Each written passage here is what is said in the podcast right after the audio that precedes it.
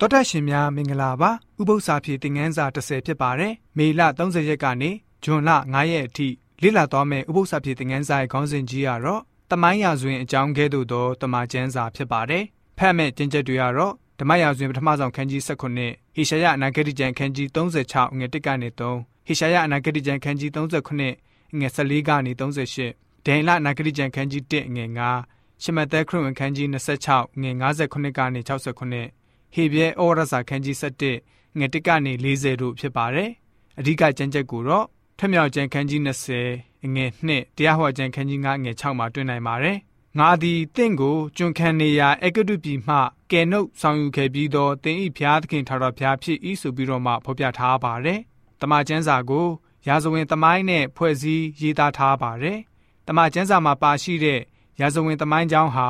အစကနဦးစီကိုပြန်ပြီးတော့ဖော်ပြပေးပါတယ်။ အရာခသိန်းကိုဖျားသခင်ဖန်ဆင်းတဲ့နေရာမှာရည်ရွယ်ချက်ပန်းနိုင်ရှိနေပါတယ်။ဘယ်အချိန်မှဖန်ဆင်းမယ်။ဘယ်အချိန်ထိရောက်မယ်။ဘယ်အဆင့်အထိရောက်မယ်။နောက်ဆုံးဒုတိယအချိန်ကြွလာပြီးတော့ကဘာကြီးကိုအစ်စ်တဖန်ပြန်ပြီးတော့ဖန်ဆင်းမဲ့အချိန်အထိတမန်ကျမ်းစာကဖော်ပြထားပါတယ်။တမန်ကျမ်းစာရဲ့ရာဇဝင်သမိုင်းကြောင်းတွေကနေသဘောတဘာဝတွေဟာနှုတ်ကပတ်ကျမ်းစာရဲ့ရာဇဝင်သမိုင်းကြောင်းတွေကမှသဘောတဘာဝတွေဟာ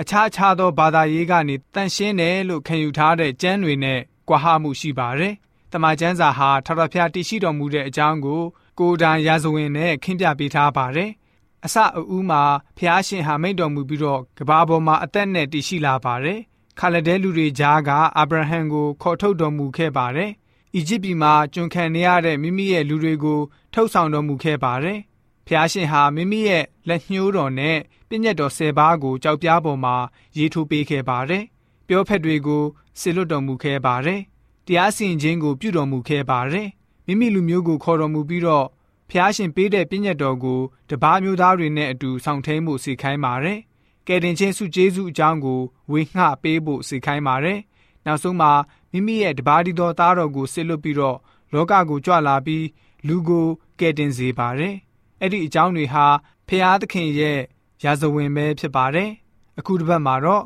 ရှေးဟောင်းသူတေသနပညာနဲ့တမန်ကျမ်းစာကိုအထောက်အကူဖြစ်စေတဲ့အကြောင်းတွေပါဝင်တမန်ကျမ်းစာကနေရုပ်လုံးဖော်ထားတဲ့ရာဇဝင်တွေကိုလေ့လာသွားရမှာပဲဖြစ်ပါတယ်ဆိုပြီးတော့ဥပုံနေဥပု္ပ္ပစာပြေသင်ခန်းစာကဖော်ပြထားပါတယ်။